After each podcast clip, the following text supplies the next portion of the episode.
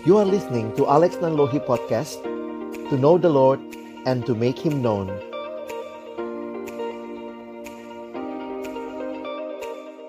Mari berdoa sebelum kita sama-sama membaca merenungkan firman-Nya. Kami kembali datang dalam ucapan syukur kepadamu Tuhan, sungguh Engkau baik dan Engkau menyatakan kebaikan-Mu di dalam kehidupan kami.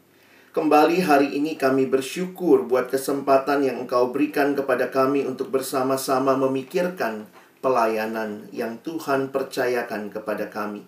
Kami sungguh berserah agar kiranya apa yang sama-sama akan kami pikirkan boleh Tuhan sendiri berkati dan Engkau Allah yang memiliki pelayanan ini yang akan menuntun kami makin memahami apa yang Tuhan mau di dalam kehidupan dan pelayanan kami. Secara khusus di tengah-tengah begitu banyak perubahan yang terjadi, Tuhan tolong kami juga bisa meresponinya dengan baik. Kami menyerahkan waktu ke depan, Tuhan memimpin hambamu yang menyampaikan semua kami yang mendengar dan juga diskusi, interaksi di antara kami. Waktu ke depan kami persembahkan dalam nama Tuhan Yesus kami berdoa. Amin. Shalom, selamat pagi.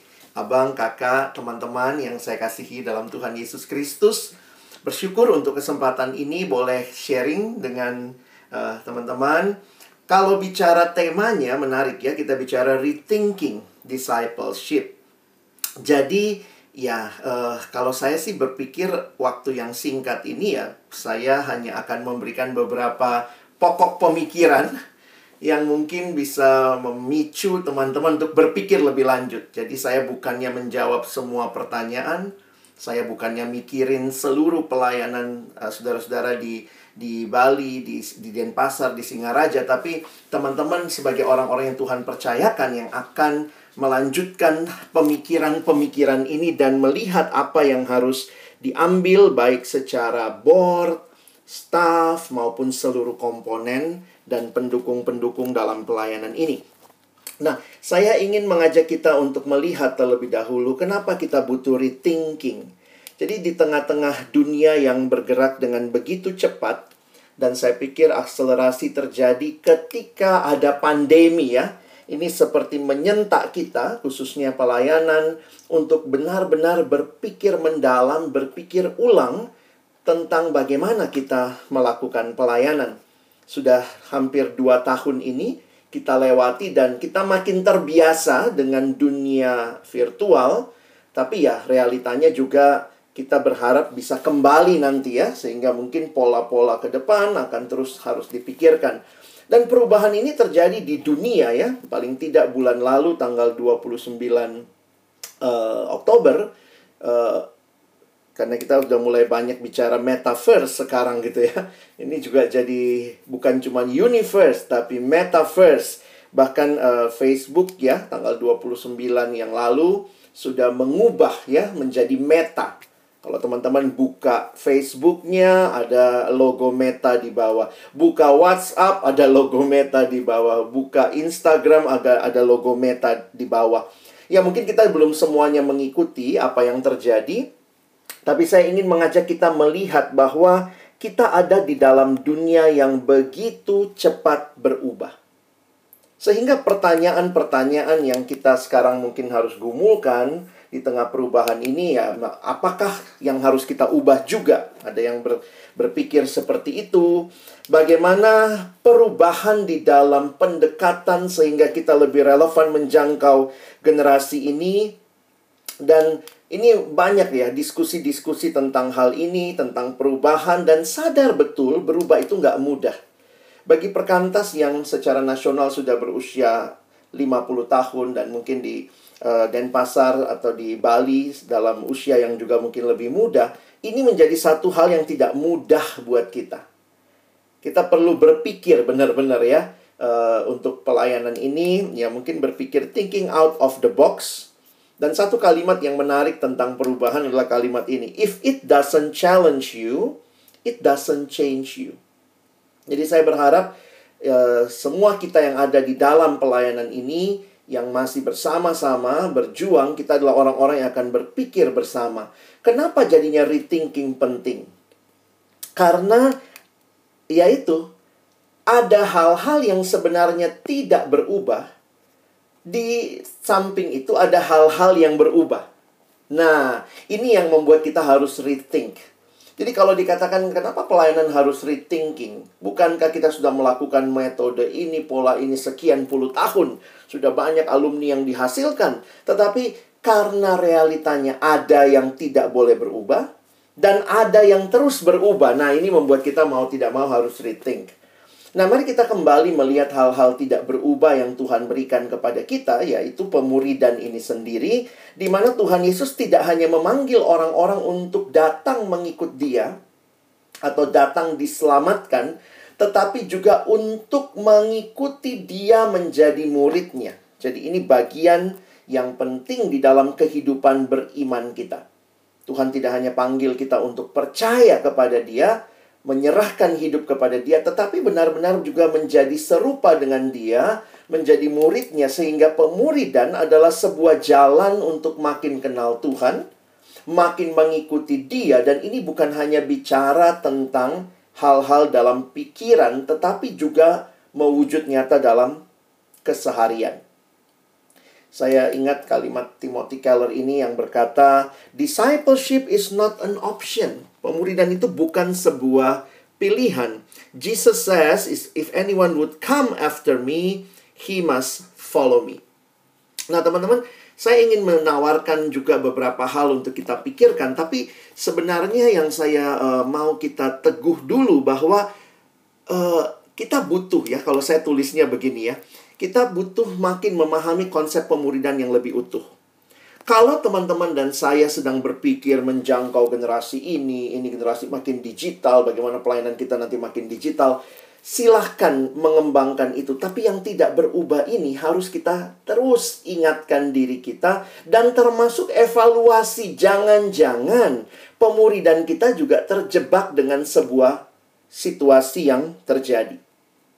Nah, dalam banyak buku pemuridan, salah satu yang menarik saya ambil dari apa yang Yesus sampaikan, ini prinsip yang penting ketika Yesus mengawali pelayanannya di Matius 4:19 Yesus berkata, "Kepadaku," uh, Yesus berkata kepada mereka, "Marilah ikutlah aku dan kamu akan kujadikan penjala manusia." Saya pikir pemuridan yang Yesus tawarkan adalah pemuridan yang kita bisa ingat tiga kata kunci ya Pertama, follow me itu berarti pemuridan yang relasional. I will make you itu intentional. Itu jelas disengajakan, ada tujuannya. Coba kalau kita misalnya ajak orang, uh, yuk ikut saya. Pasti orang akan nanya, mau ke mana? gitu ya. Nah ketika Yesus ber, berkata, mari ikutlah aku, dia memberikan tujuan atau apa yang jadi goalnya.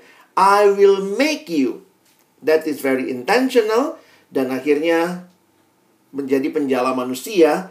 Ini adalah aspek misional. Jadi ini secara prinsip saya pikir banyak sekali konsep pemuridan. Tapi ayat ini secara sederhana mengingatkan kita kepada tiga hal ini. Di mana pelayanan pemuridan esensinya adalah sebuah persahabatan rohani yang personal yang relasional. Di dalamnya terjadi pertumbuhan rohani yang intentional, yang kemudian ada uh, perkembangan yang terjadi, dan akhirnya juga ada aspek menjangkau keluar, aspek misional. Dan kalau kita perhatikan strategi pemuridan Yesus adalah strategi pemuridan yang menyeluruh, kalau saya boleh katakan begitu ya. Karena di dalam pelayanan yang Yesus lakukan dengan tujuan pemuridan itu, maka Yesus melakukan pelayanan pribadi, pelayanan kelompok kecil maupun pelayanan kelompok besar. Jadi kalau kita bisa berpikir secara utuh, Jangan hanya mengatakan yang namanya pemuridan adalah kelompok kecil. Saya pikir itu juga satu konsep yang biasanya orang perkantas kita terjebak di dalamnya. Hanya karena kita jualannya, tanda kutip, kelompok kecil, kita pikir pemuridan equal small group. Nah, tapi dengan kita misalnya masih melakukan persekutuan besar, kita melakukan retret, kita menerima pelayanan pribadi, di sini menunjukkan bahwa ini sebenarnya semuanya dalam rangka membentuk murid. Kenapa saya katakan begini? Karena banyak alumni yang dibina di perkantas terjebak di kelompok kecilnya, bukan di pemuridannya. Kelompok kecil itu metode, kelompok kecil itu strategi, tapi tujuannya adalah pemuridan. Saya kasih contoh begini, ada alumni misalnya dari daerah pindah ke Jakarta. Lalu tiba-tiba di Jakarta dia nyari kelompok kecil, nyari KTB, nggak ketemu-ketemu nih. Lalu kemudian tiba-tiba sekian lama lalu ketemu misalnya dengan waktu itu saya ketemu satu alumni lalu dia bilangnya gini iya kak saya di Jakarta ini mandek kak oh mandek ya kenapa habis saya minta KTB nggak ada saya udah cari-cari nggak ada lalu yang terjadi adalah ya udah saya jadi keikutan sama apa yang ada di sekitar dan akhirnya dia dua tahun itu pelayanannya mundur kerohaniannya mundur dan yang dia salahkan adalah tidak ada kelompok kecil saya pikir sedih amat ya. Harusnya kalau tidak ada kelompok kecil ya nikmati pelayanan pribadi, nikmati secara kelompok besar atau mungkin teman-teman punya mentor dan mungkin karena itu belum belum belum online ya, belum banyak yang seperti sekarang ya kita bisa zoom sama KTB kita zaman mahasiswa, zaman uh, eh, SMA mungkin dengan teman-teman yang di berbagai kota.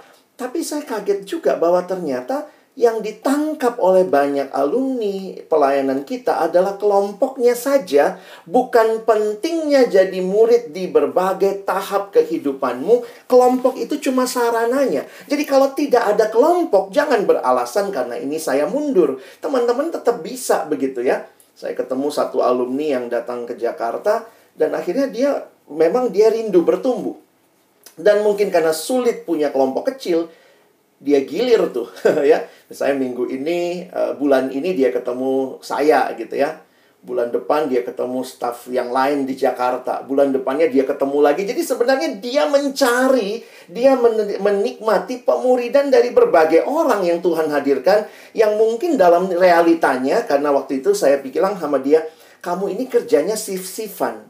Dan itu jadwal shiftnya keluarnya per minggu.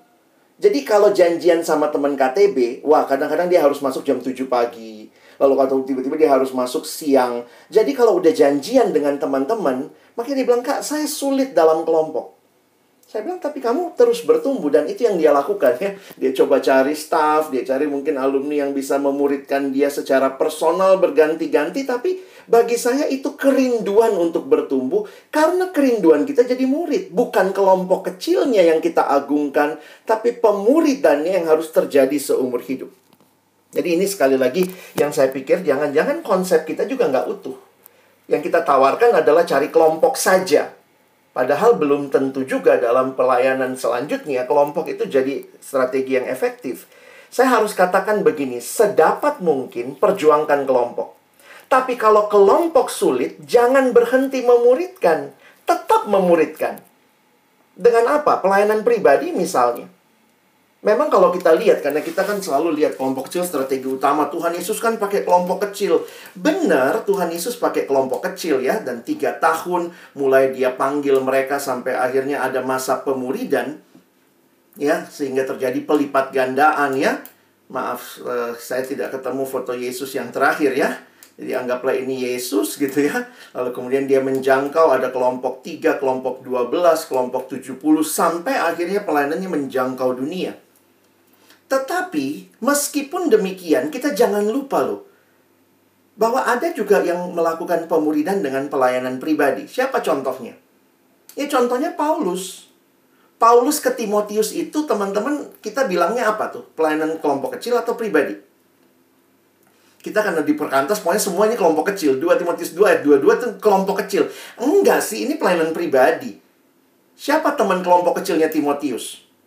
Kita nggak tahu ya kita selalu bilang uh, oh mungkin Timotius satu kelompok sama Titus itu karena kitabnya deketan gitu ya nggak ada bukti dia kelompok kecil bareng Titus gitu ya hanya karena kitabnya berdekatan Paulus kepada Timotius Timotius kepada orang-orang yang dapat dipercaya yang juga cakap mengajar orang lain Nah, jadi saya harus katakan hati-hati pelayanan perkantas kita terjebak di dalam sekadar kelompoknya. Bahkan ya ini satu paradigma saya cukup berubah waktu saya pergi. Sekali lagi saya tidak anti kelompok, tapi kalau kelompok tidak jalan, saya harap perkantas tetap ada murid karena ada yang melayani bahkan secara pribadi kita layani. Ini katanya generasi makin sulit komitmen ya. Nggak tahu nih ke depan, jangan-jangan kita pelayanannya lebih pribadi. Ya udahlah. Dan itu saya ketemu waktu saya studi di Inggris kira-kira uh, saya studi di Inggris 2005 ya saya waktu itu diundang ikut red-red staff di sana. Ya, karena tahu ada staff dari Indonesia. Uh, Alex mau ikutan nggak? Ya udah, saya ikutan gitu ya. Dan ya biasa kan percakapan-percakapan kita kalau ketemu lalu kemudian uh, ketemu staff kan nanya gitu. Nah pertanyaan saya ya seperti pertanyaan orang Indonesia gitu. E, kamu di kampus mana? Oh saya di Oxford kata staff itu ya. Terus saya tanya, oh berapa kelompok kecil yang kamu pegang di Oxford? Dia natap saya dong teman-teman dengan bengong gitu. Hah? Kelompok? uh, nggak nggak saya nggak mimpin kelompok hah waduh kalau di perkantas udah dipecat loh staff nggak mimpin kelompok gitu ya tapi kemudian saya tanya jadi apa yang kamu lakukan oh I I I do a discipleship hah discipleship nggak ada kelompok nah ini paradigmanya Indonesia ya nggak masa nggak ada kelompok Terus kemudian dia, dia cerita, nah barulah saya tahu di Oxford itu nggak ada kelas teman-teman. ya karena kondisi kampusnya di Oxford itu nggak ada kelas. Jadi setiap orang tuh ketemu sama dosennya pribadi. Jadi kalau kuliah ini ya dia datang sama dosennya karena mahasiswanya nggak banyak. Jadi mereka tuh kelas itu kuliah umum. Jadi dia sulit nyari orang yang waktunya bareng gitu. Oh begitu. Jadi apa yang kamu lakukan? Ya saya hari Senin sama satu mahasiswa. Selasa sama mahasiswa lain. Rabu sama mahasiswa yang lainnya. Jadi dia muridkan satu-satu, one on one gitu ya. Dan waktu itu saya kaget juga ya saya bilang, wah, di mana kemudian terdapat besi menajamkan besi? Dia bilang, oh mereka tetap ikut persekutuan, ikut PMK. Dia di pengurusnya tuh dapat yang besi menajamkan besinya. Tapi pendampingan pribadinya saya ngelakuin gitu. Wah di situ paradigma saya jadi cukup berubah ya. Akhirnya saya juga jadi agak sebel kalau lihat ada alumni yang berhenti bertumbuh hanya karena nggak ada kelompok. Sedih amat gitu ya cara berpikir kita. Karena kita punya pemahaman bahwa pada akhirnya adalah uh, ini ya, Paulus dengan Timotius itu ada tujuhku yang di sini terjadi. Engkau telah mengikuti ajaranku, cara hidupku, pendirianku, imanku, kesabaranku, kasihku, ketekunanku. Dan ini terjadi dalam pelayanan pribadi. Saya sekali lagi tidak menyuruh kita nutup kelompok kecil. Perjuangkan kelompok kecil. Tapi kalau sulit, jangan berhenti memuridkan. Jadi mungkin ini yang kita perlu lihat ya. Murid yang memuridkan itu bisa terjadi dengan cara Tuhan yang luar biasa. Kadang-kadang kalau kita lihat struktur pelayanan kita itu kan ya di atas tuh yang ibadah-ibadah ya. Kalau mungkin ada medium group itu kelompok kecil dan sebenarnya perhatian kepada setiap orang secara pribadi pun penting. Nah, poin saya adalah begini, teman-teman, bahwa meskipun kita memimpin kelompok, jangan lupa perhatiannya tetap pribadi. Betul ya? Karena kan setiap anak tuh unik dengan keunikannya. Saya ingat pimpin siswa tuh beda-beda. Ada yang saya pegang kepalanya langsung, apa sih abang? Apa sih gitu ya. Merasa dia udah gede, ngapain gue pegang-pegang kepala gitu ya. Tapi ada satu lagi sampai nyodor-nyodorin kepalanya, minta pegang dong bang gitu ya. Jadi memang setiap anak tuh kita harus juga melihat dan mengenal mereka secara baik. Karena itu di pelayanan kita ingatlah kita sedang melakukan pemuridan dengan semua hal yang sedang kita perjuangkan. Apa yang teman-teman rakerkan ini bukan cuma sekadar kelompok kecil adalah membentuk pemuridan, tapi bagaimana persekutuan besar? Apakah itu juga memberikan tema-tema yang membangun hidup orang sebagai murid sehingga kalau dia ikut kelompok kecil, dia ikut persekutuan besar, dia juga dilayani secara pribadi, dia utuh malah mendapatnya. Dalam satu buku yang uh, diterjemahkan oleh Perkantas Nasional, The Passion Generation, kita terjemahkan dengan judul Generasi Penuh Hasrat, dia memberikan kepada saya justru uh, ini ya, pemahaman yang lebih utuh tentang pemuridan. Nah, mungkin gambarnya sederhana ini ya. Dia ingatkan bahwa Yesus waktu dalam dunia tuh melakukan discipleship. Nah, dia membedakan discipleship sama mentorship. Mentorship itu come and meet with me. Most of church events come and listen to me. Tetapi pemuridan itu come and follow me. Wah, ini menarik teman-teman. Saya lagi berpikir juga ya, jangan-jangan kelompok kecil kita tuh cuma kayak mentorship. Kayak anak-anak les Les seminggu sekali datang belajar MHB, belajar materi KK, kelompok kecil, KTB, pulang. Minggu depan ketemu lagi. Jadi cuman come and meet with me. Jadi kayak kita ngelesin materi. Tapi Tuhan Yesus itu pemuridannya come and follow me. Nah, ini katanya generasi yang senang terlibat ya. Dan kalau cuman come and listen to me, nah itulah acara-acara gereja gitu ya, atau kalau kita mungkin persatuan besar, mentorship bukan berarti kita tutup church events, kita tutup mentorship, tapi kita perlu lebih daripada sekadar mentorship kalau saya pikir melihat teladan Yesus. Yesus melakukan discipleship. It's about journey together. Berjalan bersama-sama itu bicara lebih daripada sekadar membagi informasi. Pemuridan merupakan proses transformasi, bukan sekedar memberi informasi seminggu sekali belajar selesai. Kelompok kecil itu adalah memuridkan life to life, bukan sekadar mind to mind. Karena itu apa yang perlu kita rethinking ya. Coba pikirin lagi kelompok kecil kita kayak apa. Saya lagi berpikir ya, pemuridan yang tadinya mungkin kita lakukan selama ini setiap minggu, sekarang kan bisa dilakukan setiap hari, tanda kutip ya. Online ini membuat kita bisa terkonek ya, punya grup WA setiap pagi apa kabar, salam hari ini ngapain, saling doain. Jadi sebenarnya pemuridan lebih jadi dengan teknologi ini seharusnya itu lebih jadi every day. It's not only every once a week gitu. Itu kita perlu rethink lagi. Seperti apa? Apakah pemimpin-pemimpin KTB juga menyadari bahwa kita perlu berjalan bersama dengan orang-orang yang kita muridkan? Pemuridan harus berubah dari sekadar program menjadi sebuah gaya hidup. Saya pikir ini yang perlu kita pikirkan sama-sama juga untuk bagian pertama ya dan bagian terakhir yang saya mau sampaikan mungkin juga bisa generate discussion kita ya kita sadar yang tidak berubah itu Tuhan, firmannya, kebenarannya, panggilannya harus jadi murid, bertumbuh. Tetapi generasinya ini berubah. Nggak bisa tidak. Sebagian besar kita mungkin yang melayani di dalam pelayanan perkantas, decision-decision maker, adalah orang-orang yang ada dari generasi yang lampau, yang yang lama begitu ya. Sehingga kita harus belajar terbuka melihat perubahan generasi jika kita masih ingin melayani generasi ini. Saya jujur aja harus katakan ya kalau perkantas memang masih mau melayani anak muda, ya kita harus melihat dengan dalam ya rethink ya bukan cuma niru ya di sana pakai band oh kita pakai band juga lah saya pikir kita bukan seperti itu rethink jadi penting kita perlu mengasihi generasi ini. Jangan, uh, ya kadang-kadang kalau kita banyak mengkritik generasi ini, saya pikir ya satu sisi kritiknya membangun, tetapi apakah disampaikan dengan baik? Survei Barna memberikan beberapa temuan yang menarik tentang generasi ini yang makin membuat saya berpikir, wow, kita harus melayani mereka. Satu dari tiga anak muda Kristen Indonesia menganggap semua agama sama. Menyembah Tuhan yang sama. Karena ini kan uh, generasi yang makin pluralis. Mereka dibesarkan dalam uh, pluralis yang seperti ini, tetapi juga yang radikal ada identitas politik identitas dengan agama dijadikan sesuatu yang diangkat itu juga muncul dan makin banyak ke depannya. Nah, anak-anak yang biasanya ini maunya peacemaker aja lah. Semua agama sama lah gitu ya. Kadang saya mikir, kalau semua agama sama, suruh aja dia jadi Kristen. Dia nggak mau bang, itu berarti nggak sama semua agama. Kalau enggak kan ya udah jadi Kristen aja selesai kan? Kan sama. Atau kamu aja pindah jadi agama dia. Nggak mau saya bang, ya berarti nggak sama gitu ya. Nah ini lagi, satu dari tiga anak Kristen, anak muda Kristen Indonesia menganggap bahwa perbuatan baik saja dapat menyelamatkan. Sehingga ya mungkin kelihatan baik, tapi apa dasarnya? Ini data lagi, satu dari empat anak muda Kristen Indonesia mendukung pernikahan beda agama.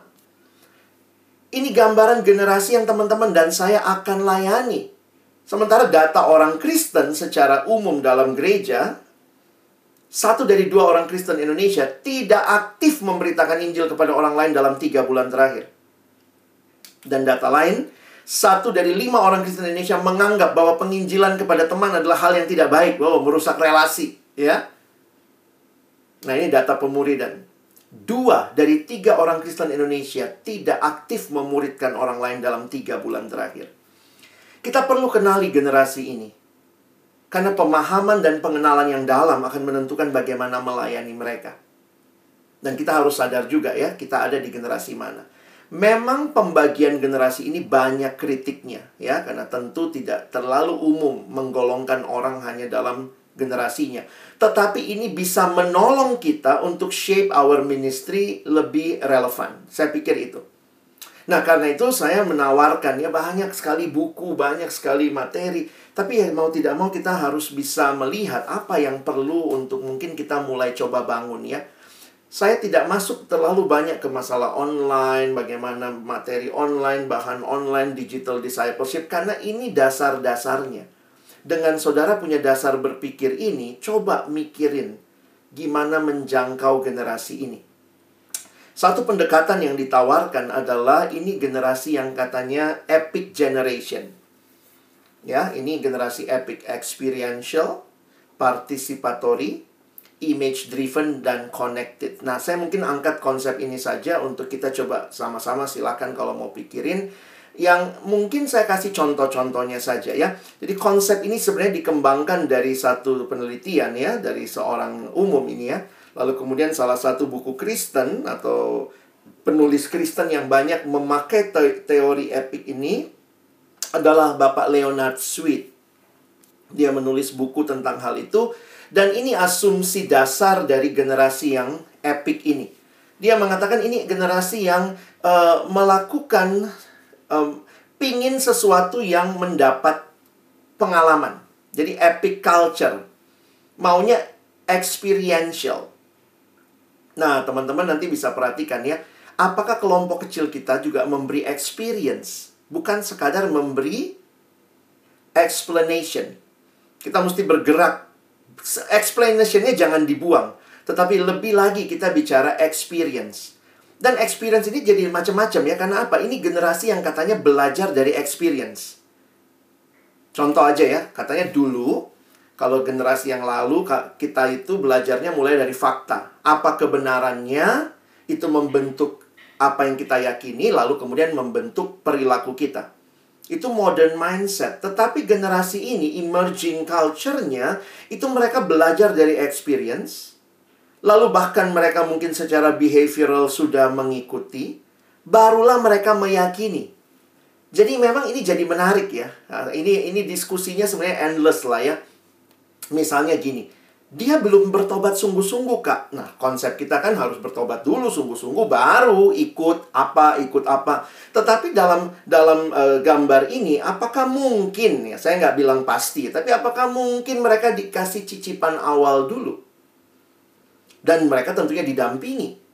Sehingga mungkin pengalaman kita kita akan ketemu orang-orang yang yang makin tidak komitmen, makin sulit tapi mau terlibat. Nah, itu kadang-kadang unik ya mau dibuang rasanya gimana tapi kalau tetap ada kok nggak ada komitmen bagaimana menghadapi generasi seperti ini nah saya nggak tahu teman-teman bagaimana memikirkan mesti mempelajari uh, ininya ya tapi ingatlah mereka butuh experience jadi mungkin undangan kita seperti Tuhan Yesus ngundang masih ingat waktu Yesus panggil muridnya ayo datang dan lihat come and see jadi bukan uh, percaya dulu kalau enggak nggak boleh ikut nih ya Nah itu kadang-kadang saya pikir Tuhan Yesus tuh epic juga ya.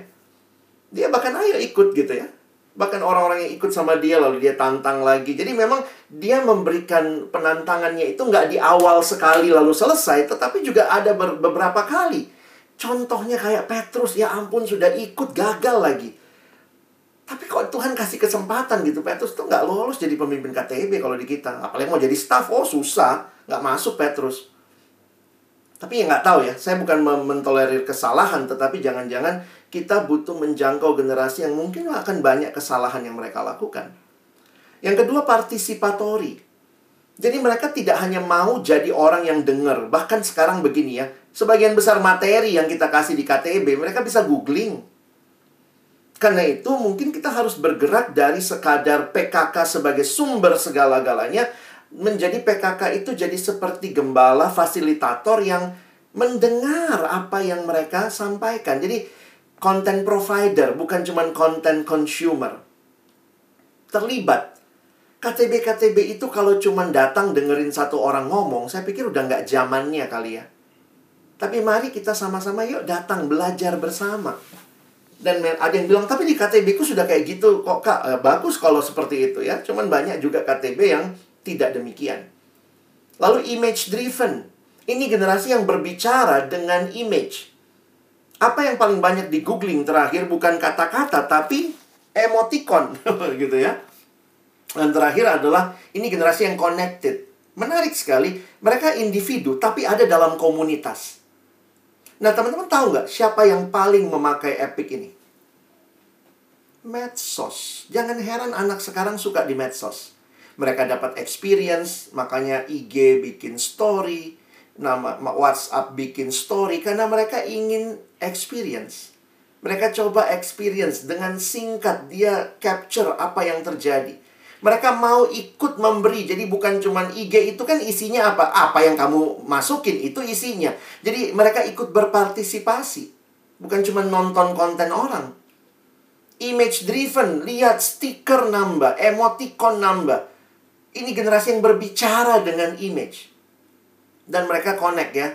Jangan lupa tag aku ya. Ya kita foto bareng nanti di Raker, tapi jangan lupa tag aku gitu. Ini individu tapi senang dengan komunitas, senang terhubung. Langsung mati gaya begitu mati koneksi. Nah, ini ini hal-hal yang saya pikir mungkin kita perlu memikirkan ya ke depan bagaimana KTB-KTB yang epic. Pemuridan-pemuridan yang epic. Saya pernah nanya sama mahasiswa ya, apa kabar adik-adik? Tolong tulis dong di kolom chat. Diam semua. Tapi begitu dikasih gambar, bagaimana perasaanmu hari ini? Nomor berapa? 1, 2, 3, 4, 5, 6, 7, 8, 9. Suruh pilih. Langsung semua. Saya 3 sama 4, Kak. Saya 1 sama 3, Kak. Karena ini ini bahasa mereka. Mereka berbicara dengan gambar misalnya. Jadi jangan-jangan kalau kita bilang anak sekarang nggak mau ngomong mungkin kita nggak tahu bahasanya. Kalau kita tahu bahasanya, ngomong dia. Kenapa dia bisa curhat begitu panjang di medsos? Karena dia merasa itu tempat yang aman, tidak dihakimi, banyak ekspresi yang dia bisa salurkan. Nah, saya lagi mikir kalau memang generasi ini makin epic lah ya ke depan, karena memang tantangannya dunia di sekitarnya itu menolong dia makin epic, maka kita perlu berpikir lebih lanjut. Dan saya tutup dengan ini ya. Uh, Bapak Leonard Sweet dalam bukunya dia mau bilang begini, Yesus tuh epic loh. Tuhan Yesus tuh yang epic duluan. Jadi epic ini bukan baru sekarang. Yesus tuh epic, saudara. Contohnya ya, Yesus experiential. Muridnya itu diajak, ayo. Tuhan Yesus nggak kasih kelas dulu ya. Ini kelas tentang bagaimana mengusir setan. Enggak ya. Tapi Tuhan Yesus bilang, ayo kita ke seberang. Jadi langsung on job training ya. Ke seberang, eh ketemu uh, apa uh, demon ya, ketemu evil yang merasuki orang itu. Tapi kemudian sering kali Yesus justru merefleksikan pengalaman itu dengan murid-muridnya. Jadi memang gaya belajar generasi ini, apalagi kalau mereka bisa googling tahu banyak, yang dia nggak punya experience-nya. Nah bagaimana KTB-KTB akan memberikan experience apa artinya? Sehati, sabar, saling mendukung, saling membantu, dan mungkin itu tidak terjadi dalam pertemuan tapi di luar pertemuan. Karena itu pemuridan dalam keseharian bukan cuma seminggu sekali. Jadi penting. Partisipatori. Ya, Tuhan Yesus memberikan apa ya? Ini generasi yang semua mau ya untuk memilih American Idol kita ikutan, memilih Indonesian Idol kita ikutan. Siapa kita sih? Tapi asal dia bisa kirim vote, wih, rasanya tuh itu pilihanku begitu ya, partisipatori. Apakah mereka merasa ini KTB ku atau ini KTB pemimpinku yang ngejar-ngejar saya? Saya sih nggak berasa ya belong to that KTB gitu ya image rich ya dengan uh, gambar-gambar Yesus kalau ngajar itu gitu ya, pandanglah bunga bakung, pandanglah burung. Yesus tuh kaya imagery. Ya, dan story, dia cerita banyak cerita. Dan connected. Nah, Yesus juga connect murid-muridnya satu sama lain ya. Jadi kesimpulan Bapak Leonard Sweet begini ya. Jesus invited his disciple into experiences. He let them make decision and take ownership in ministry. He constantly used imagery to convey kingdom realities, and he allowed even frustrating connection and dialogue between the disciples. murid-murid itu beda pendapat tapi dikonek aja sama Yesus ya. Ada Matius di situ yang pro Romawi ada uh, orang Zelot yang mungkin nggak pro uh, Romawi begitu ya. Tapi ada dalam satu kelompok. Apa yang perlu rethinking? Ya pemuridan yang makin epic lah ya untuk menjangkau generasi ini dan karena itu kitalah yang akan berpikir what next ya dan saya pikir teman-teman akan banyak ke depan harus berpikir lebih jauh tentang hal ini tapi kira-kira apa yang saya lihat dan saya coba perhatikan uh, itu beberapa hal yang saya bagikan. Terima kasih. Oke, terima kasih untuk Kak Alex yang telah memaparkan begitu ya begitu banyak hal tentang memuridan. Uh, sebelumnya uh, saya mau apa kali ya mengajak teman-teman rekan-rekan untuk memilih reaction gitu ya. Silakan pilih reaction apa yang menggambarkan teman-teman setelah mengikuti mendengarkan sesi ini. Silakan pilih emotikan apa yang mau teman-teman berikan untuk sesi ini. Oke yang lain? Oke. Yang lain ini nggak ada karena apa? Nih karena nggak ngikutin? Oke wow rata-rata semuanya nggak epic kali oh. Gak epic ya ini nggak epic ya ya kita langsung mempraktekkan ya tentang bahwa kita adalah orang-orang yang memang dengan simbol dan seterusnya. Oke, okay, uh, eh, di waktu yang baik ini uh, saya mau mengajak bereksperimen juga bagi teman-teman begitu ya. Langsung saja ya kita akan diskusi, kita akan bertanya ya untuk sesi ini kalian sudah begitu banyak merethinking kita lagi tentang discipleship begitu ya. Ternyata bukan hanya kelompok kecil, ada kelompok besar, ada pelayanan pribadi yang mungkin selama ini dalam form-form raker kita itu nggak dihitung gitu kan? Ya itu itu itu menjadi uh, menarik juga begitu kan? Lalu ya kita bahwa dunia cepat berubah ya. Bahan-bahan sekarang pun mungkin akan berubah lagi dalam waktu dua. Sekarang kita sudah masuk di fase adaptasi. Kita baru adaptasi ketika uh, online sekarang kita mau masuk lagi di fase adaptasi ya jadi dalam waktu kurun dua tahun kita akan dua kali adaptasi nah itu ini ini ini menjadi perubahan begitu cepat. Maka kita perlu kembali benar-benar memikirkan tentang pemudik. Tapi ingat kontennya, isinya nggak boleh berubah, gitu ya. Kontainernya boleh aja, tapi isinya nggak boleh. Oke, nah sekarang saya persilakan bagi rekan-rekan, kakak-kakak, ya teman-teman yang mau ber, bertanya ya atau berdiskusi dalam uh, kali ini saya persilakan. Silakan, boleh via chat ya atau juga langsung unmute juga saya pikir ini kesempatan yang sangat baik gitu ya untuk kita memikirkan kembali sebelum nanti selama seminggu ke depan ya setelah kita rethinking discipleship, rethinking evangelism, kita akan membuat program-program yang sesuai berdasarkan apa yang kita hari ini kita diskusikan dalam semua komponen-komponen yang ada. Oke, saya persilakan. Apakah ada?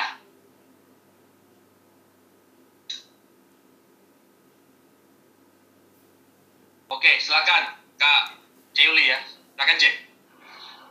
Nah, thank you Bang Alex. Nah, untuk uh, kembali diingatkan, di refresh gitu ya. Nah, uh, Yuli mau sharing tentang fakta di lapangan. Yeah. Iya. Uh, fakta di lapangannya itu kan tadi kan sampai uh, Bang Alex bilang kalau kan pemuritan itu baiknya sampai come and follow me. Hmm. Come and follow me itu kan uh, take time banget ya. Betul uh, eh, KTB itu bukan hanya berbicara tentang satu minggu satu kali, tetapi bagaimana di dalam setiap waktunya itu bisa merupakan bagian dari komunitas. So, di tengah kesibukannya Kak Alex, Yuli yakin pasti kami tidaklah jauh lebih sibuk daripada uh, maksudnya Bang Bang Alex lebih sibuk dari kami begitu. Bagaimana kakak bisa menjadi seorang pemimpin rohani yang bisa menerapkan come and follow me hmm. di tengah kesibukan kakak? Thank you uh, Yul. Saya sadar betul dengan demikian pemuridan itu bukan produk massal. Karena nggak semua orang kita bisa ajak come and follow me. Memang kita mungkin dapat tugas gitu ya. Uh, lalu kemudian kita bikin kelompok kecil ya kita berjuang lah supaya deket sama anak-anaknya. Cuma saya jujur aja waktu lihat kalian di Denpasar ya baik di Denpasar maupun di Singaraja itu terjadi secara natural Kalian buka hidup kalian untuk orang lain datang dan lihat. Lihat bagaimana kalian hidup, lihat bagaimana kalian masak, mungkin nginep bareng gitu ya. Dan itu kan nggak bisa semua orang. Nah, saya udah lihat itu ya di hidup kalian. Tapi memang maaf ya, yang kayak gitu-gitu kan sorry to say kadang-kadang kan nggak dievaluasi ya. Tidak terevaluasi. Yang diminta adalah data KTB. Ya, maaf, memang BPC harus minta itu. Tetapi memang kalau sadar bahwa nggak nggak gampang. Pemuridan itu kayak besarin anak. Yang hari ini bandel, besok taat, lusanya bandel lagi. Itu kadang-kadang kalau mau dilihat gimana saat teduhnya, tujuh per berapa itu ya bisa jadi minggu ini full. Makanya bagi saya, evaluasi KTB itu jangan terlalu rutin. 6 bulan sekali lah cukup gitu ya. Karena orang tuh hidupnya progresnya jangan dilihat per minggu. Minggu ini gagal lalu kita udah kasih mark, jangan pelayanan ini gagal banget. Padahal hidup itu seperti itu. Nah, dalam pengalaman saya akhirnya saya memilih ya. Saya juga bagi hidup dengan orang-orang tertentu yang memang uh, ya saya bawa mereka masuk dalam hidup saya mereka lihat gitu untuk nah saya sadar betul sekarang saya nggak langsung pegang siswa nggak langsung pegang mahasiswa kadang-kadang juga kalau datang tuh udah dipanggil om ya aduh om gitu ya nah saya coba deketin staff dan juga uh, komponen ya secara khusus ya ada adik-adik TPS yang kadang-kadang saya ajak diskusi jadi maksudnya gini dengan kita membuka diri kita kalau dibilang sibuk sih Yul sibuk itu kan kita yang buat ya kalau kita bilang ini nggak sibuk ya jadi itu masalah prioritas. Jadi saya kadang-kadang memberi waktu karena saya kan jarang-jarang lagi diundang sekarang sudah banyak staff yang lebih muda. Tapi kalau saya diundang biasanya setelah itu saya tinggal ngobrol dengan beberapa staff yang uh, muda atau adik-adik komponen, lalu buka diri kita, lalu kemudian ada orang yang masuk lihat hidup kita. Beberapa kali misalnya kalau saya pelayanan saya ajak staff yang lebih muda dia lihat bagaimana saya memilih uh, gokar yang paling murah gitu ya karena uang nggak banyak. Jadi itu itu hidup yang dibagikan. Jadi nggak selamanya lihat ke Alex khotbah lihat khotbah saya. Coba berapa poin yang kau dapat dari khotbah saya? Tapi bagaimana saya memilih makanan? Bagaimana saya bilang tidak kepada yang padahal saya lagi pengen gitu. Itu hal-hal yang pemuridan itu tuh membagi hidup yang saya juga struggle. Dia lihat kejatuhan saya gitu. Nah itu yang saya bilang tadi nggak kadang-kadang nggak bisa sama semua orang. Saya melakukan itu kepada mungkin sekarang sekitar 4 atau lima orang sih ya. Mungkin begitu. Yang kalau dievaluasi saya nih staffnya nggak berkembang berarti ya, cuman investnya kok di situ aja. Tapi itulah. Thank you. Bang Alex. Iya, Bang Winsar. Nah, apa kabar? Baik. Segar banget nih kayaknya. makan. Bang Alex, aku mau nanya nih. Iya, silakan Bang. Kalau uh, muritan itu kalau dijabarkan sebagai program mungkin bisa ya Iya. acara-acara uh, uh, discipleship. Tapi kalau misalnya dibikin program berarti akan ada yang dievaluasi. Tadi Bang Alex bilang Iya. gimana masih uh, apa discipleship ya kalau acak bisa dievaluasi tapi kalau discipleship itu uh, bagaimana apakah Hmm. pakai penampakan Gimana kira-kira terima kasih Bang. Terima kasih Bang Winsar. Saya sadar betul juga ya ini ini dilema kita ya. Saya coba pelajari beberapa sistem begitu. Apakah tidak tidak perlu pakai angka untuk mengevaluasi atau perlu pakai angka atau kombinasi ya. Nah, ternyata saya lihat kombinasi lebih baik. Jadi silahkan angka-angka tetap menjadi pertanggungjawaban kepada BPC, kepada komponen, kepada rapat-rapat kita. Tetapi mari kita bergerak lebih jauh dari angka. Biasakan ada cerita. Bahwa cerita hidup orang yang berubah, cerita tentang bagaimana Tuhan mengubah dia, dan cerita-cerita itu yang sebenarnya kalau kita kumpul seperti ini, satu dua cerita yang kita syukuri, apa yang mahasiswa itu alami, saya ketemu juga ya beberapa donatur tuh nggak terlalu suka tuh kalau kita kirim. Camp ini berlangsung sekian anak yang datang puji Tuhan semua pembicara baik sesi-sesi berjalan tepat waktu. Mereka nggak nunggu itunya mereka pengen denger gitu. Ada yang yang terima Yesus lalu hidupnya berubah. Apa yang terjadi dengan hidup dia gitu. Nah bagi saya itu yang kadang-kadang kita miss. Karena kita sangat teknis harus diakui ya kita kita maunya ada angka yang terukur dan segala macam. Kita perlu bergerak lebih daripada sekedar itu. Bahwa pemuridan itu adalah perjalanan orang ikut Yesus, jatuh bangun dari anak ini tadinya nggak bisa doain papanya, sangat akar pahit, tapi kemudian ada ada PKK-PKK yang cerita, itu yang kita celebrate, itu yang kita rayakan dalam pertemuan-pertemuan kita seperti ini supaya pelayanan kita ini makin seger. Kalau kita cuman model, ya Bapak Ibu pasti rapor itu bisa dikirim sama guru ya. Kalau kita punya anak, rapornya bisa dikirim sama guru nilainya begini-begini. Tapi yang kita tunggu tuh kita ngobrol sama gurunya waktu ambil rapor. Kenapa anak saya dapat segini ya? Terus dia cerita, begini loh pak, mungkin begini-begini. Makanya itu saya pikir kok di pelayanan di pelayanan malah hal-hal seperti itu hilang ya. Padahal di hidup sehari-hari itu membesarkan anak, Bapak Ibu nggak, teman-teman nggak ada kan yang besarin anak saat teduh, cetek. Ya, tidak. Kita nggak seperti itu, tapi Waktu kita perlakukan orang di pelayanan hanya karena kita butuh laporan, laporan itu akan sangat menyemangati kita ketika ada cerita di baliknya. Nah, di situ saya pikir yang uh, ya mungkin nggak mesti semua PKK cerita, tapi kita celebrate, kita ucap syukur sama-sama, kita uh, kalau perlu bertobat sama-sama gitu. Jadi itu sesuatu yang hidup, bukan cuman program. Ya sorry ya, saya saya kalau bicara gini soalnya uh, merasa bahwa ya yang saya pengen ceritain itu justru apa yang terjadi dengan hidup orang itu. Ketimbang sekadar berapa angkanya saat teduhnya rutin atau tidak itu penting tapi bukan segala-galanya. Mungkin itu.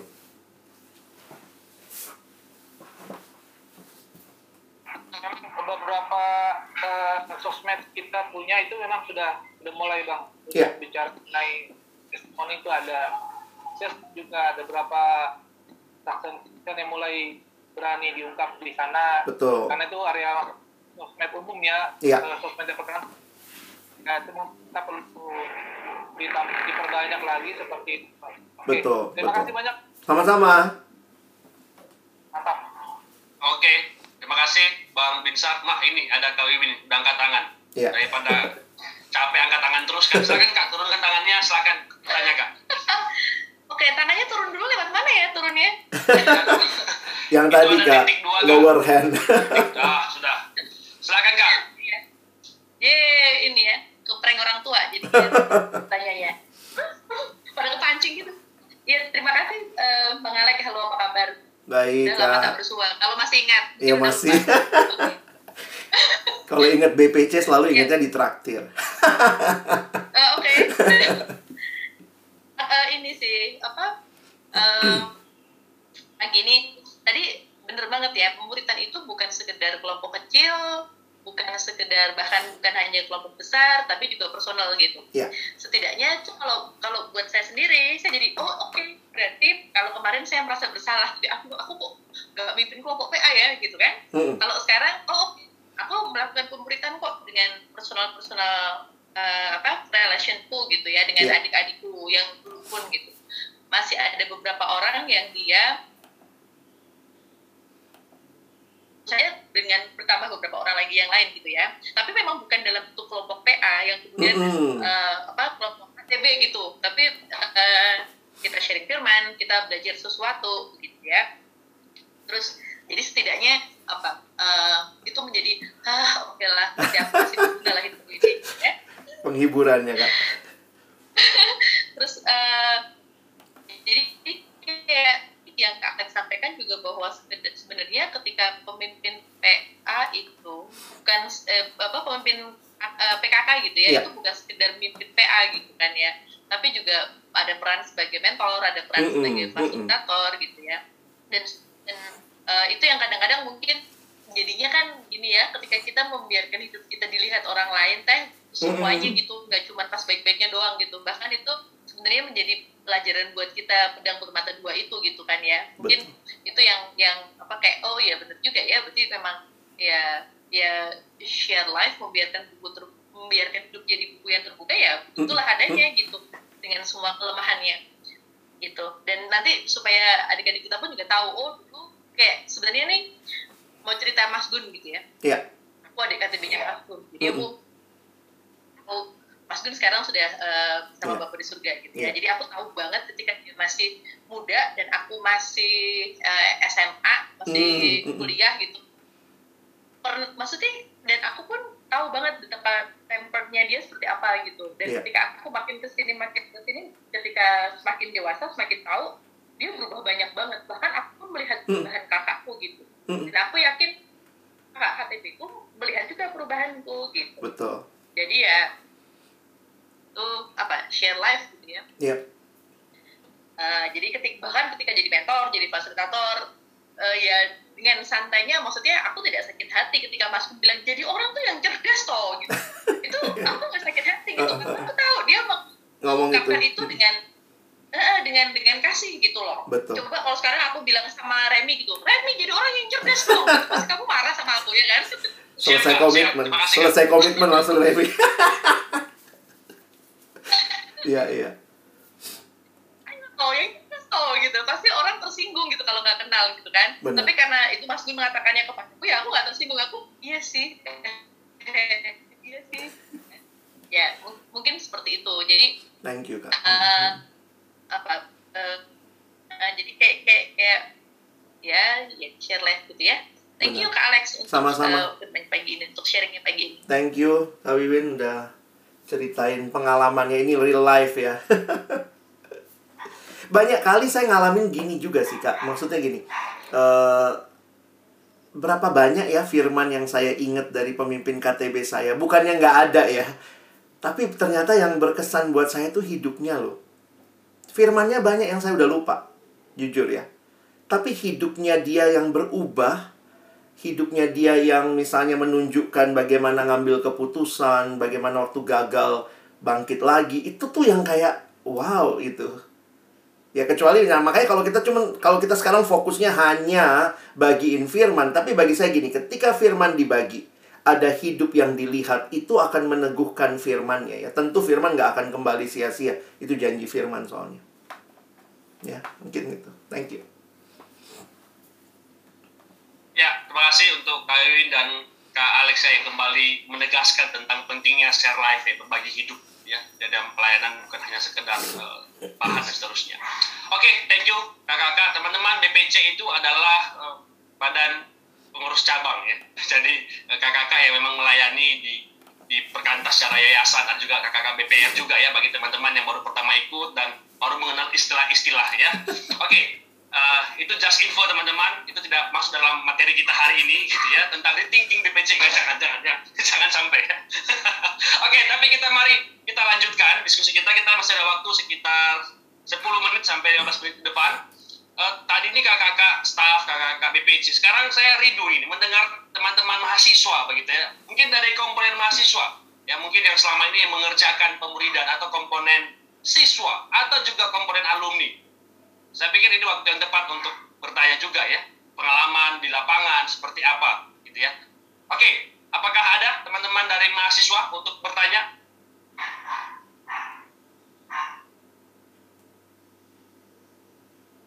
Ya, dan muncul chat pribadi ya kepada saya ya. Nah ini panjang nih. Bang, aku mau tanya. Ya. Berarti ini maksudnya untuk Bang Alex ya. Bagaimana cara menerapkan come and follow me dalam pemuridan? Namun aku masih punya banyak kekurangan dan banyak sifat-sifat buruk.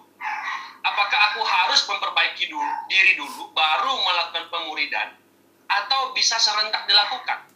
Lalu apabila harus menunggu untuk memperbaiki diri, kira-kira kapan waktu yang tepat untuk kita bisa memulai untuk memuridkan orang lain? Namun apabila dapat dilakukan serentak, bagaimana cara kita memuridkan pada saat kita masih berproses menjadi lebih baik? Anonim. Nah, itu namanya. Silakan Kak Alex. Terima kasih anonim. Ini pergumulan semua kita ya. Saya ingat kalimat Paulus yang berkata, "Ikutlah aku seperti aku mengikut Kristus." Jadi saya pikir itu prinsip utamanya. Dia tidak sedang ikut hidup kita. Dia sedang ikut Yesus yang dia lihat melalui hidup kita yang sedang ikut Yesus.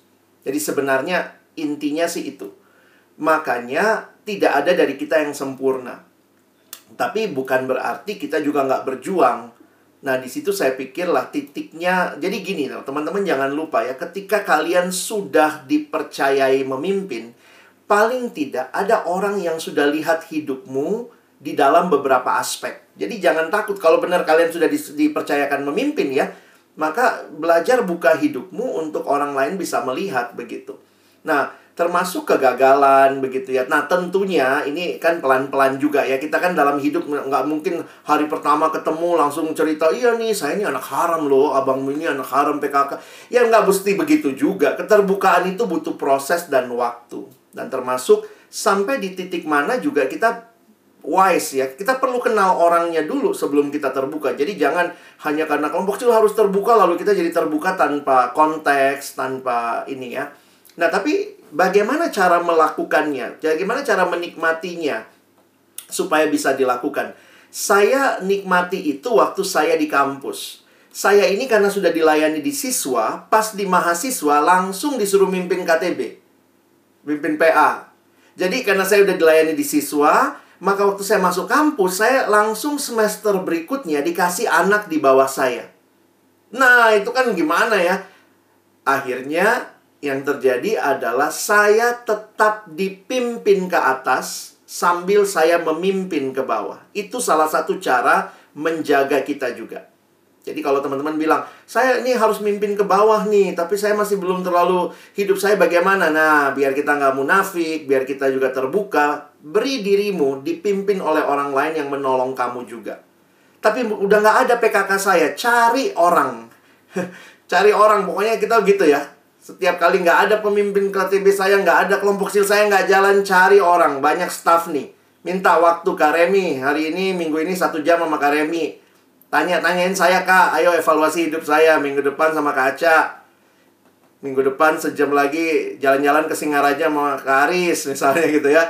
Jadi sebenarnya banyak sumber daya di sekitar kita. Tapi kita selalu mikirnya kelompok. Ih, bukan PKK saya. Tapi kalau kita mau bertumbuh, sebenarnya kita bisa terbuka begitu ya. Nah ada satu anak yang kemudian ketemu saya waktu masa mahasiswanya dia. Dia ketemu saya tiga minggu sekali. Dia bukan anak KTB saya. Tapi dia bilang, Kak, tolong bimbing saya dalam beberapa hal yang dia lihat mungkin saya bisa, PKK-nya belum bisa. Kira-kira begitulah ya. Jadi terbuka gitu. Jangan ini anak kelompok kecilku. Kalau dia deket sama staff lain, ih berarti aku nih gagal jadi PKK. Kadang-kadang kita tuh kelompok kecil aja baper. Padahal ini kan untuk pertumbuhan begitu ya. Di perkantas banyak cerita-cerita begitu ya nggak mau kalau AKK-nya deket sama orang lain, PKK-nya langsung merasa gagal. Jadi itu salah satu cara saya dipimpin ke atas dan saya memimpin ke bawah. Mungkin itu. Oke, semoga bisa menjawab ya dua hal yang penting yang saya ingin catat. Pertama, tidak ada yang sempurna. Dan mari kita buka diri kita bahwa kita juga nggak sempurna. Jadi kita sama-sama belajar, tapi memang kita perlu juga dipimpin ya, sama yang lebih. Dan banyak sumber daya di sekeliling kita So teman-teman ayo ya manfaatkan sumber-sumber daya yang ada. Kak Alex juga jangan cuma karena ini. Kak ya juga boleh. Ketemu, Bisa kan? zoom loh ini. Sekarang, se sejam di Bali kak, ayo ke Bali. Ya. Oke, okay, thank you. Nah sekarang masih ada lagi kak, uh, kak Alex ada lagi ya, dari silakan. ini juga anonim juga ya. Bagaimana pemuridan dengan kelompok besar supaya tetap efektif seperti kelompok kecil? Karena kan relasinya biasanya kurang deep takutnya terjebak. Ya, ya, jangan salah ngerti ya, bukan berarti karena pemuridan bisa lewat kelompok besar berarti harus uh, kelompok kecil ditiadakan. Tidak sih. Poin saya sebenarnya begini, nikmatilah seluruh bagian yang Tuhan berikan selama kamu ada di persekutuan. Saya menikmatinya di perkantas itu kita nggak cuma care sama kelompok kecil kan kita juga ada persekutuan besar. Karena misalnya begini kan nggak semua pemimpin KTB kita, kelompok PA kita adalah teolog misalnya. Terus mesti bahas kristologi. Ya udah itu dapatnya di persekutuan besar. Maksud saya materi kristologi yang kamu dapat di persekutuan besar itu juga untuk pemuridan kan, membangun hidupmu jadi murid. Tapi nanti kesehariannya mungkin dapatnya di kelompok kecil. Mentoring pribadinya bisa jadi. Jadi saya melihat begini loh, Tuhan kasih banyak sumber sama kita. Makanya kalau di perkantas kita tidak hanya mendorong orang ikut kelompok kecil, tapi datang juga ibadah-ibadah persekutuan. Nah, itu maksudnya supaya makin utuh dapatnya. Jadi kalau ditanya, tapi kan di kelompok besar nggak bisa uh, deket satu sama lain. Makanya jangan cuma ikut kelompok besar ya, kelompok kecilnya juga gitu ya. Tapi yang kelompok kecil, saya nggak butuh kelompok besar. Jangan begitu juga. Tidak semua hal PK kamu tahu. Mungkin kamu perlu dengar dari pembicara lain yang mungkin bukan PK kamu. Nah, itu saya pikir indah sekali loh selama mahasiswa kalau kita dapat itu. Dan semangatnya adalah saya harus terus bertumbuh nih. Nanti kalau kita masuk gereja, di gereja tuh kadang-kadang pembicaranya bagus-bagus. Tapi nggak dapat orang yang nemenin kita jalan sehari-hari. Nah cari gitu. Jangan nunggu, cari gitu ya. Ah saya mau kontak Kak Remi seminggu sekali, dua jam atau sejam gitu. Minta didoakan atau... Saya pikir kita mesti biasakan seperti itu loh. Kalau nggak makin banyak alumni yang nggak punya kelompok, hilang. Dan kemudian kita tahu kita ketemu, udah nggak aktif pelayanan, udah nggak dukung pelayanan hanya karena dia tidak merasa punya kelompok. Mungkin itu. Baik, makasih Kak Alex yang sudah menjawab ya. Semoga terjawab ya teman-teman bahwa ya tidak bisa ya dipisahkan. Jadi itu punya fungsi, punya tugas, punya masing-masing begitu ya. Dan semakin bagus gitu ya kalau apa besar dan kecil tuh sama-sama fokus dalam pemuridan maka itu semakin penting. Tapi jangan juga lupa ya tentang relasional pribadinya juga. Oke, luar biasa ya hari ini diskusi kita tentang rethinking discipleship. Semoga sekali lagi ya saya berdoa ini menolong kita untuk ke depan ya melihat ke depan dalam uh, setahun ke depan dalam mem membuat program, membuat rencana-rencana kegiatan yang akan kita susun. Jadi berharap sekali teman-teman bisa memperhatikan di bekal kita nanti ketika menyusun program-program yang ada. Sebenarnya waktu tinggal satu menit lagi, tapi kalau memang ada masih yang mau bertanya, saya persilakan. Apakah masih ada teman-teman? Uh, sesi, silakan, Alex. Iya, saya melihat bahwa pelayanan perkantas ini fokusnya adalah pemuridan. Sehingga teman-teman, kita semua memperjuangkan pemuridan yang baik. Dan karena itu, uh, memikirkan ulang, memikirkan lebih dalam, mencoba melihat beberapa hal yang harus diubah, itu perlu kita lakukan secara berkala. Dan tidak ada dari kita yang sudah cukup mahir, khususnya dalam online ini ya. Online ini kan nggak ada yang sangat mahir. Kita semua kan baru belajar, tahu-tahu tadi Remy bilang udah harus adaptasi lagi. Sehingga mari kita saling berbagi. Apa yang berhasil waktu kamu lakukan?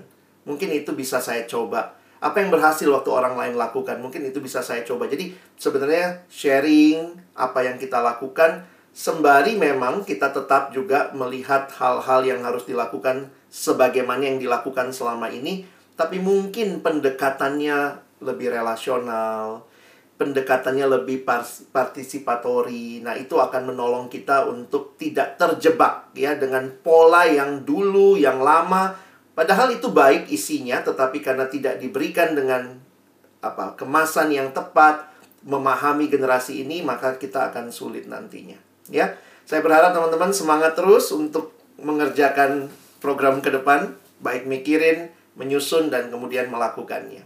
Mari berdoa.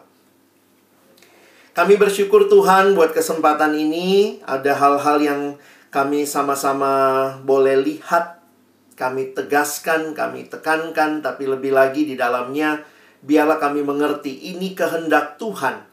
Karena itulah Tuhan memanggil kami dalam pelayanan ini bukan sekadar masuk dalam organisasi, tetapi masuk membangun kerajaan Allah. Kami akan menyusun program-program ke depan, biarlah semua wawasan yang kami terima makin menolong kami juga untuk mengerjakan pelayanan ini dengan semakin baik. Berkati waktu selanjutnya agar Tuhan memimpin untuk sesaat acara kami hari ini. Kami menutup dalam nama Tuhan Yesus kami berdoa. Amin.